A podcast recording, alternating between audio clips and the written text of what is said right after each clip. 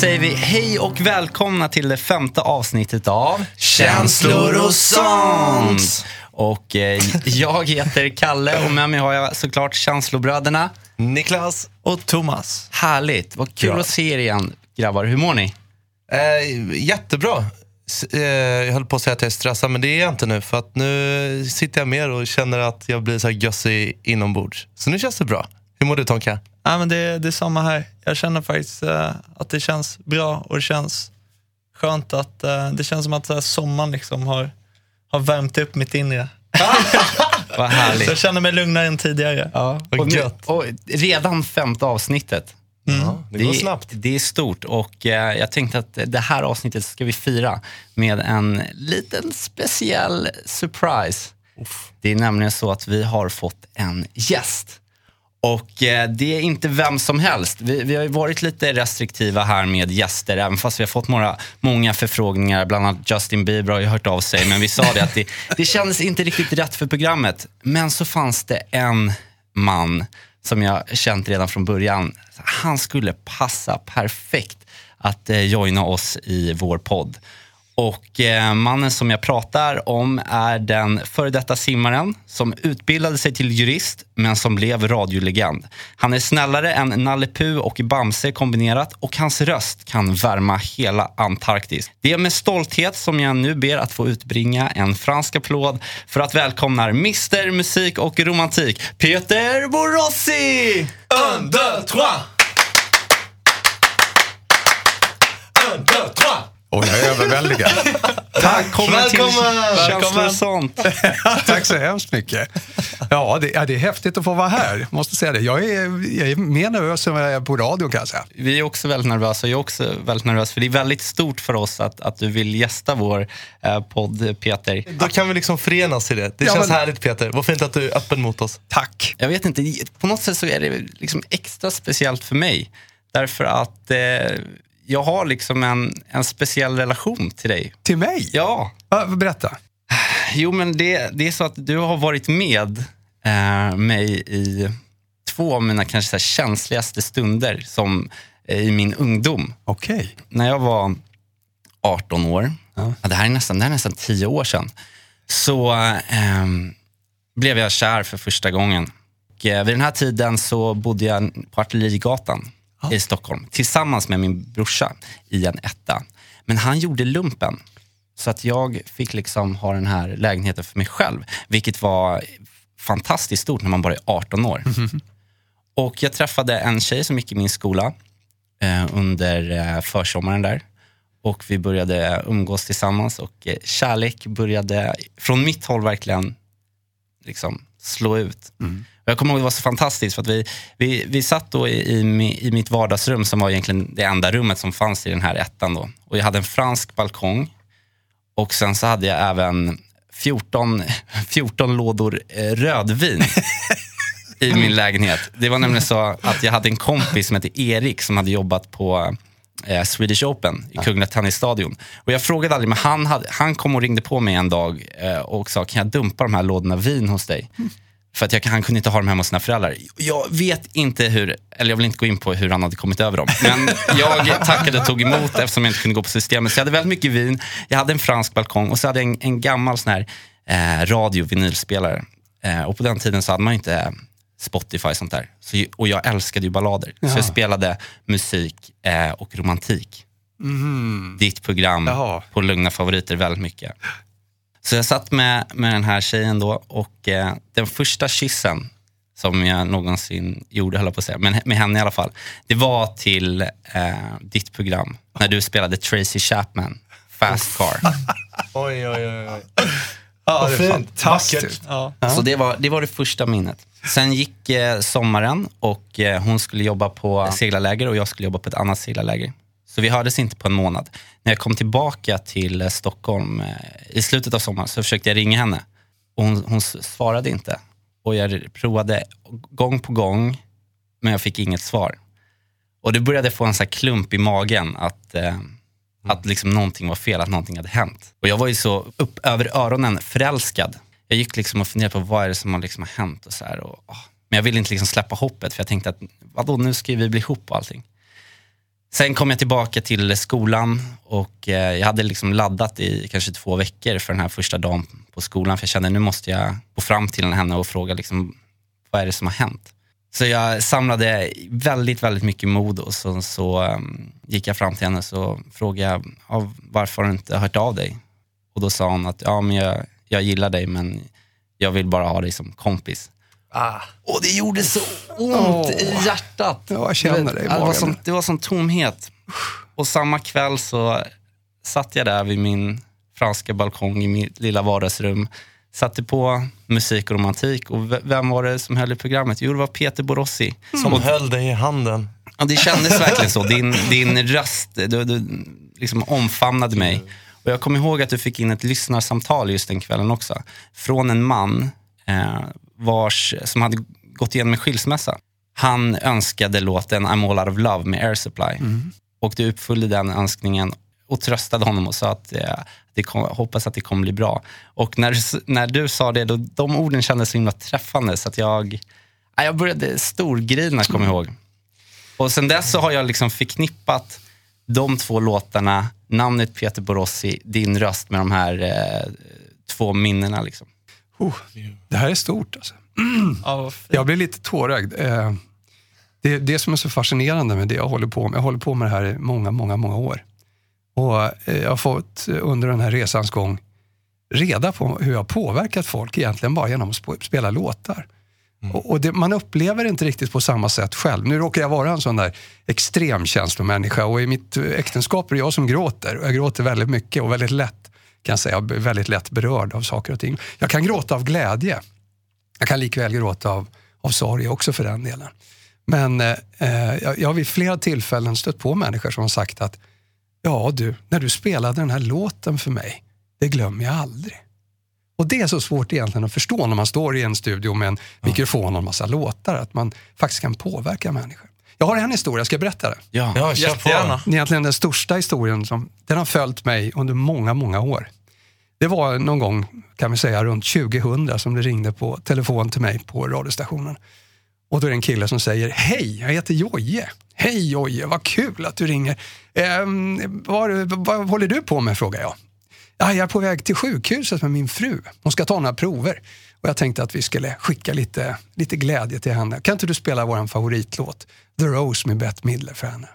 Självklart Jojje, sa jag. Inga problem. Och så spelade jag låten. Var inget mer med det. Så dröjde det en månad ungefär och så ringer det på telefon igen och så säger Hej Peter, det är Jojje. Hej Jojje, vad kul, hur är det med dig? Ja, det är inte så bra. Va? Så vad, vad menar du? Nej, det gick inte så bra med undersökningen. Vad säger du? sa jag. Nej, hon, hon dog för mig. Va? Vad säger du? Det är ju bara en månad sedan. Ja, men hon hade cancer och det gick ju väldigt, väldigt fort. Och hon var mitt livs kärlek. Britt-Marie heter hon. Kan du spela The Rose med Bette Midler för henne? Ja, det gjorde jag. Och tårarna rann och jag satt och led och jag tänkte på den här stackars människan. Sen dröjde det ungefär ett år så ringer det på telefonen igen. Och nu är det alltså ett, ett, ett år och en månad sedan första samtalet. Ja. Hej Peter, det är Joje. Kommer du ihåg mig? Ja men Joje, nej vad kul att du ringer. Klart jag kommer ihåg dig. Jag glömmer aldrig en lyssnare. Framförallt så glömmer jag inte dig. Hur är det med dig? Ja, du förstår ju. Hon var mitt livs kärlek, Britt-Marie. Men jag har faktiskt träffat en arbetskamrat och jag är lycklig och jag vågar tro på livet igen. Men jag glömmer aldrig Britt-Marie. Kan du inte spela The Rose med Bette Midler för henne? Då gjorde jag det. Och tårarna rann igen. Sen tog det två år, så får jag ett samtal igen. Hej, det är Joje. Tjena Joje, hur är det med dig? Hur gick det med arbetskamraten? Nej, det tog slut, det var inte helt rätt. Men jag vill bara berätta, jag mår bra nu.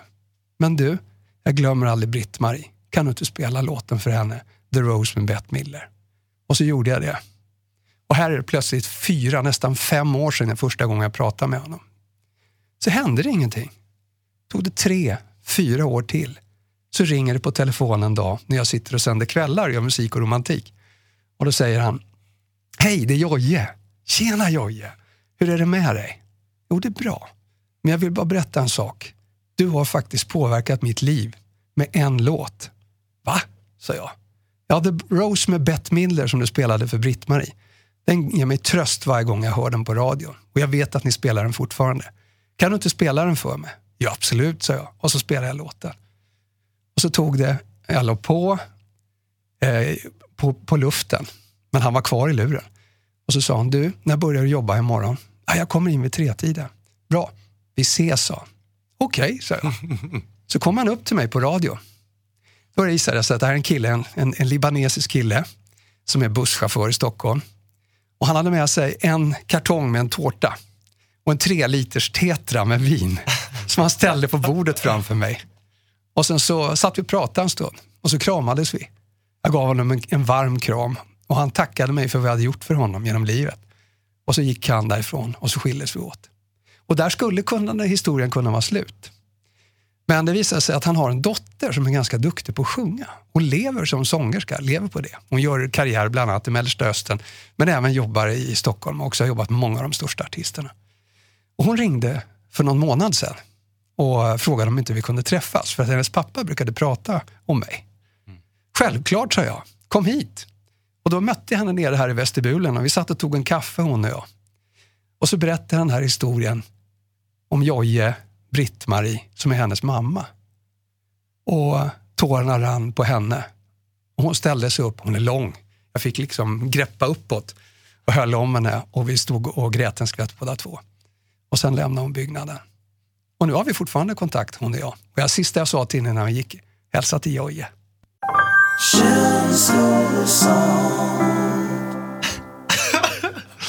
Vilken story. Peter, wow.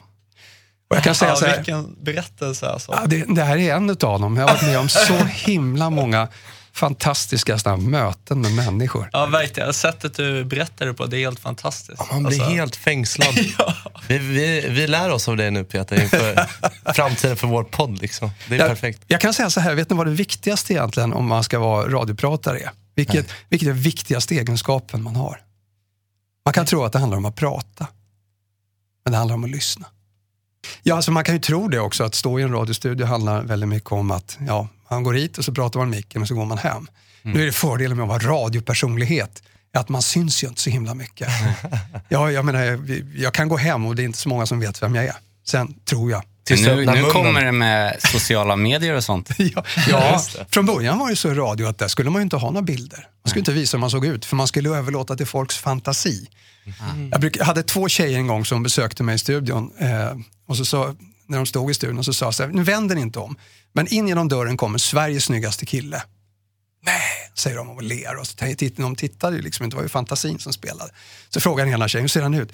Ah, han är muskulös och han är mörk. Och, jaha, så frågar den andra, nej, han är blond och han är ganska smal, men han, men han har ett vackert leende.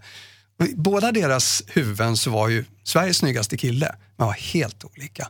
Ja. Och det är det som är fördelen. Man brukar kalla radio theater of your mind. Det är att du leker med folks fantasi. Och det är precis vad jag håller på med alla år. wow. Men det var, det var inte helt, eh, helt stucket i sten att du skulle bli radiopratare först. Du utbildade dig först till jurist. Ja, jag har en, en jurkand i massmediarätt. Så tanken var från början att jag skulle bli någon form av chef för en radiostation. Men på den tiden så fanns inte det här privat lokalradio. Jag var mest intresserad av musikradio. Så jag höll på med närradio under min studietid. Sådär. Eh, men sen plötsligt en dag så var det någon tokig kille som ringde och frågade om inte jag ville göra en audition för att göra ett morgonprogram på en helt ny radiostation. Mm. Ja, ja visst, sa jag. Så jag skickade in en tejp och så, så kom han och så sa han, du vi är intresserade. Um, kan du komma in och skriva på det här avtalet? Så kan du få köra morgnar på, på den nystartade kanalen. Ja, men vad ska den heta? Vad ska vi göra då? Ja, det får du reda på när du har skrivit under. Så jag gick in och så tittade på kontraktet och så stod det halva den lön jag hade innan. Så skrev jag på.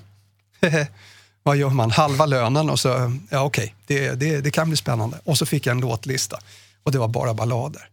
Och då mm. sa jag, fasen, det här är ju jag alltså.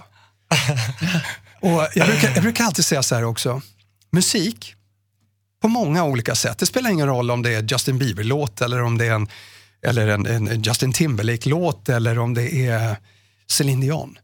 Det är känslor. För mig är musik så att om jag lyssnar på en låt, antingen så har jag upplevt någonting när jag har eh, ja. lyssnat på låten, eller så har jag eh, får jag en association. Alltså, Can't stop the feeling med, med Justin Timberlake som vi dansade till här uppe på radion för ett tag sedan. Alltså man blir så himla glad av den. Hör, jag, kan spela, jag kan höra två toner på låten så uppfylls jag av samma känsla igen. Så därför har jag alltid, spelar ingen roll vad det är för typ av musik, jag älskar ju musik i alla former. Jag kan Har, lyssna har, du, har du någon eh, favoritartist? Du som har spelat så otroligt mycket musik. jag vet, idag så är det nog uh, Timberlake. Ja.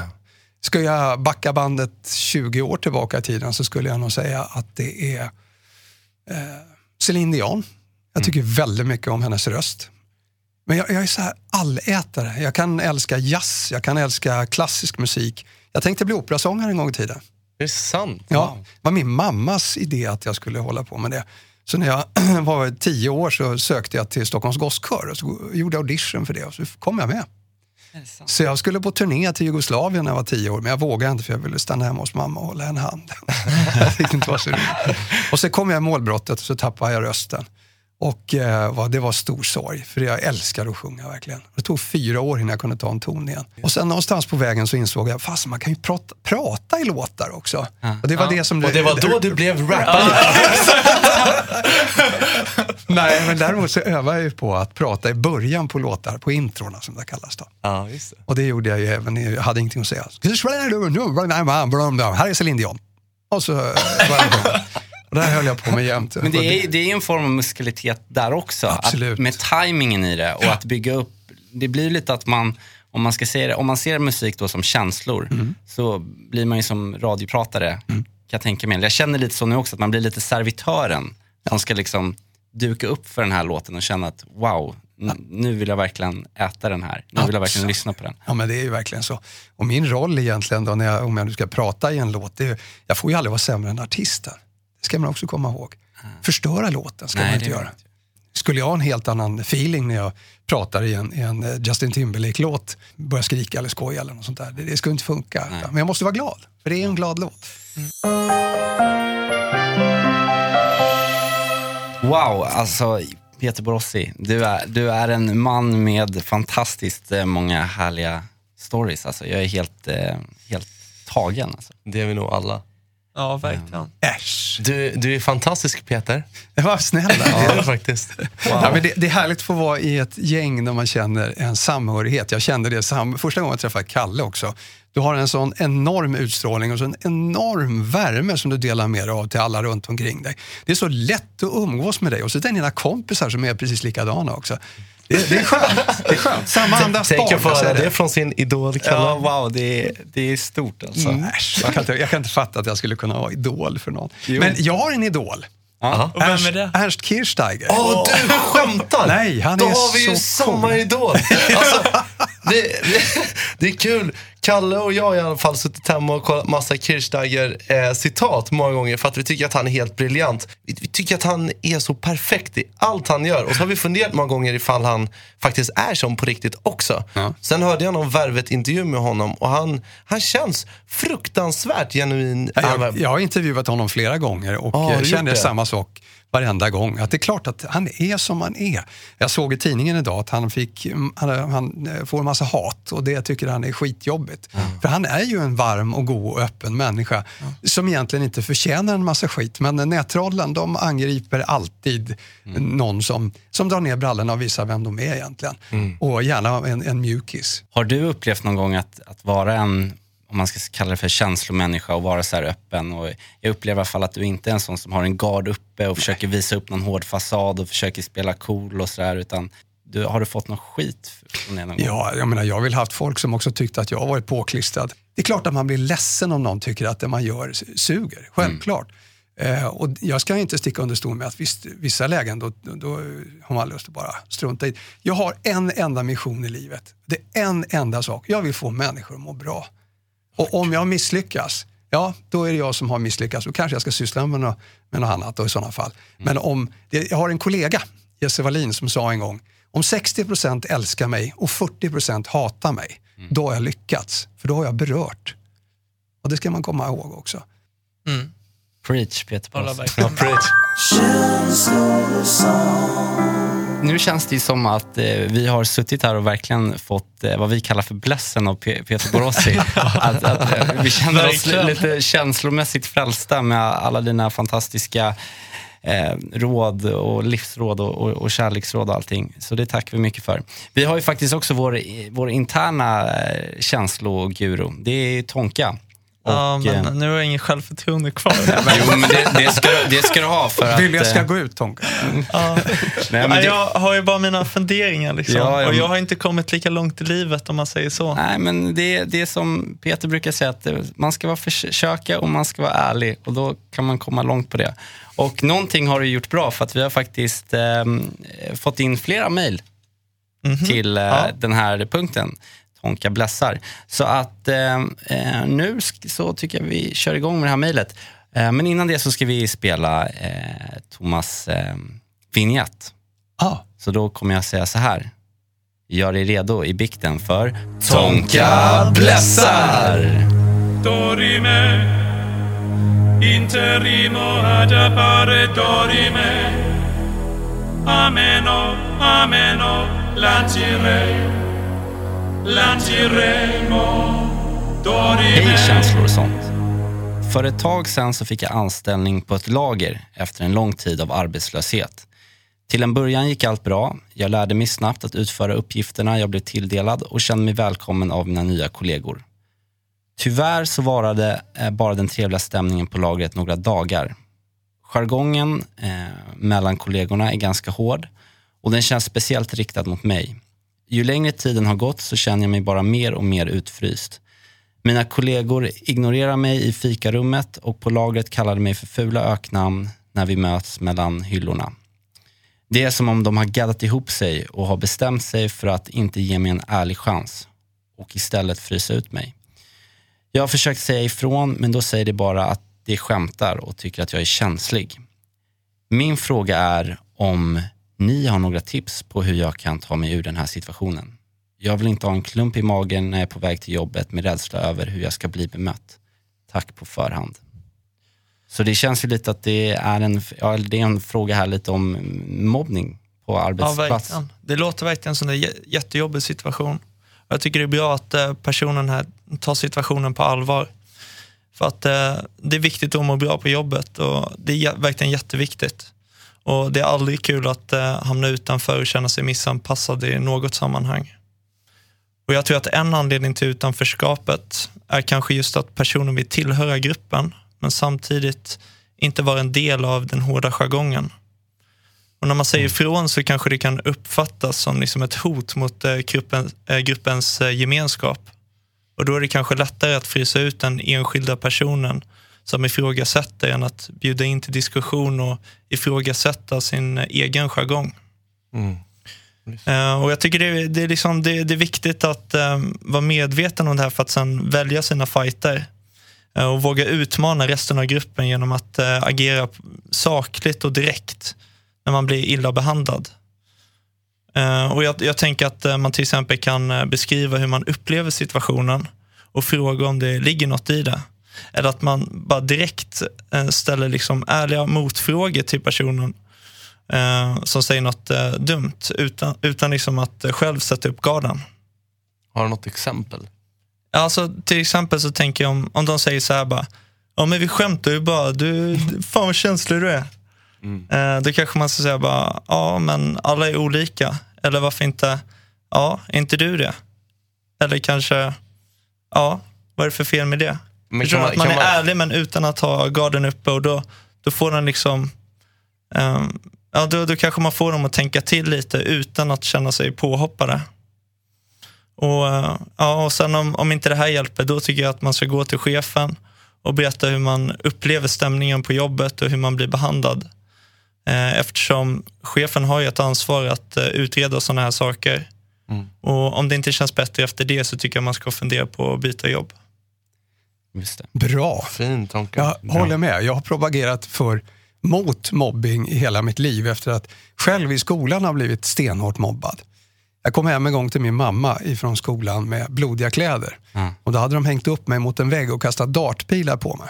Åh, Och jag berättade aldrig vad som hände i skolan för min mamma. Jag vågade inte. Jag vågade aldrig säga emot. Jag fick min revansch inom idrotten. Jag var ganska duktig sen. Det upptäckte de. Ja. Och jag tror att det är därför man jobbar i media. Väldigt många som jobbar i media har haft liknande historier. Fråga alla kändisar på TV så är det väldigt många som har med om samma sak. Ja. Och det är nog ganska vanligt att man behandlar folk respektlöst i grupp. Ja. Och om man försöker sänka garden, jag försökte säga det till min dotter som var mobbad i skolan också.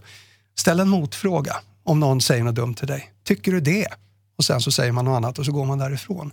Då har man inte gett dem den där, den där tri triumfen av att segra. Men det, det viktigaste du sa tycker jag, det är att man ska försöka att inte gå till motangrepp. Ja. För då, då blir man ett hot. Min, Klokt. pa- min, min, pappa, min pappa tog ju och gav mig några goda råd, trodde han, när jag var liten, för jag blev också mobbad. Och nu är det ju faktiskt lite skillnad på när man är barn och när man är vuxen. För du säger också Thomas att man kan eh, gå till chefen. Liksom. Går man till lärare så det känns inte som att det är riktigt samma sak. Liksom. Och pappas tips till mig var ju att jag skulle trycka upp de här mobbarna mot väggen. och sen skulle jag dra upp min näve mot kinden på dem så skulle jag säga så här. Kallar du mig bög en gång till, då slår jag dig. Ja, På och- käften? På käften. Och ehm, ja, men då sa de bara, jävla bög. Igen, du vet så här. Och då, bara, ja okej då, men säg det inte en gång till. Sen så fick de gå. Och min mamma hade också så här sjukt tips. Och det var ju ännu värre, för då fick jag ju stryk på riktigt. Och det var när de bara gick förbi i, i, i korridoren och skrek något nå fult till mig. Så skulle jag bara liksom göra rörelse med handen eh, och munnen, eh, eller från ansiktet och sen så utåt. Och så skulle jag bara... Långnäsan. Ja, långnäsan. Är det så den heter? jag så skulle jag bara göra det här ljudet. Nej, nej. ja, då fick jag ju stryk när jag gjorde det i Ja, skolan. hur? Så är det. Det var inte de bästa tipsen. Jag tycker att Borossis tips är hans barn bättre. Nu har vi kommit eh, fram till eh, vår höjdpunkt i vår podd som är eh, känslor och sånt freestyle.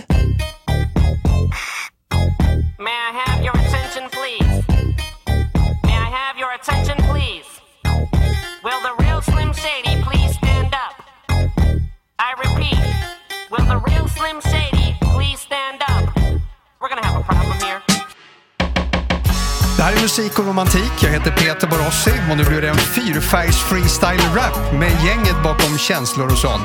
Det är Tonkan, det är Niklas och det är Kalle. Okej. Lördag kväll, tiden den är late. Jag har parkat bilen, gjort mig redo för min date.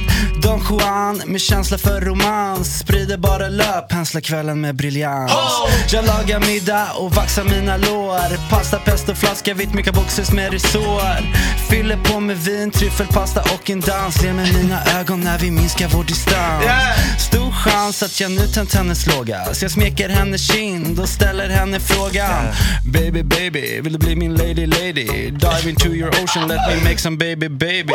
Charmar som en gud, Patrick Swayze. Tjejer börjar stöna, de går cray, cray, crazy. Vet vad jag vill, konceptet bossy. Musik och romantik, forever Peter Borossi.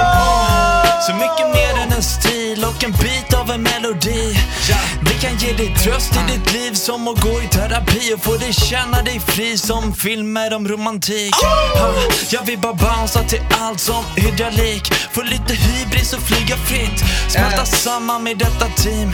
Äkta empati, för det här är vi. Kicka romantik, spelar in i Logic. Jag och mina homies på Shaggy's karaoke. Jag tror nog podden fått en kompis. Vi gör det old school. Vi hångel kan det gälla få ett pris.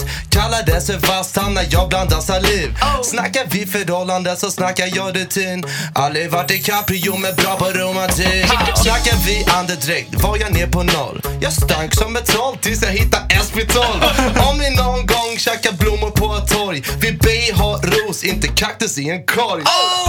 Applåd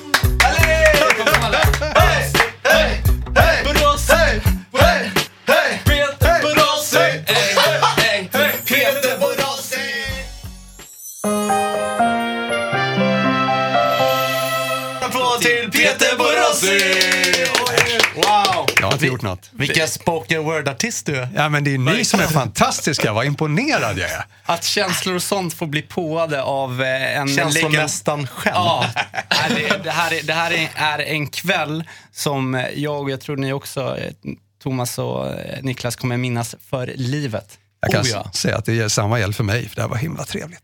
Och vi, vi vill eh, från våra hjärtan verkligen tacka dig Peter för att du ville komma och gästa, gästa oss i den här podden. Jag, tycker det här, jag måste säga det, jag tycker det här är det bästa någon har gjort på länge.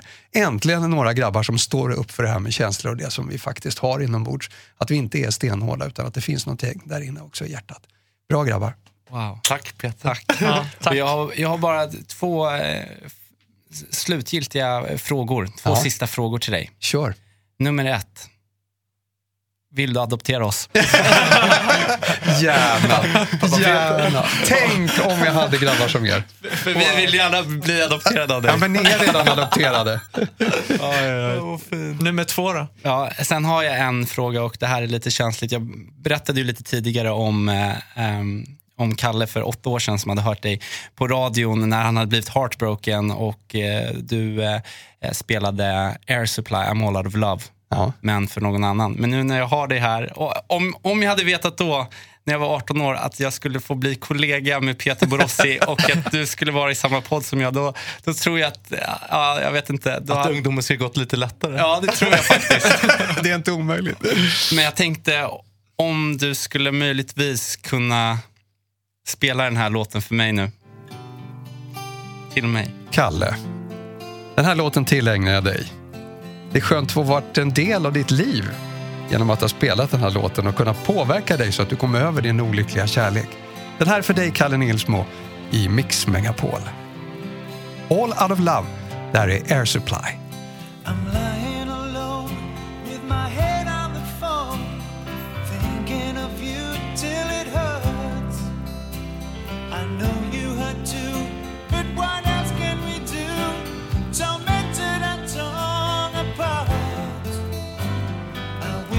could carry your smile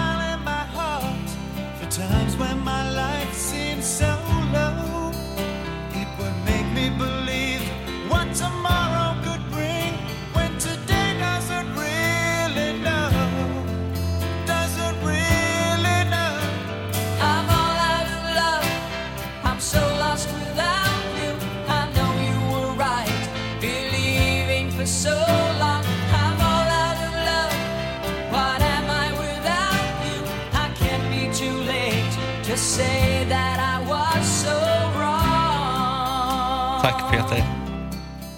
Tack. Ny säsong av Robinson på TV4 Play. Hetta, storm, hunger. Det har hela tiden varit en kamp. Nu är det blod och tårar. Fan händer just nu. Det. är Detta är inte okej. Robinson 2024, nu fucking kör vi! Streama söndag på TV4 Play.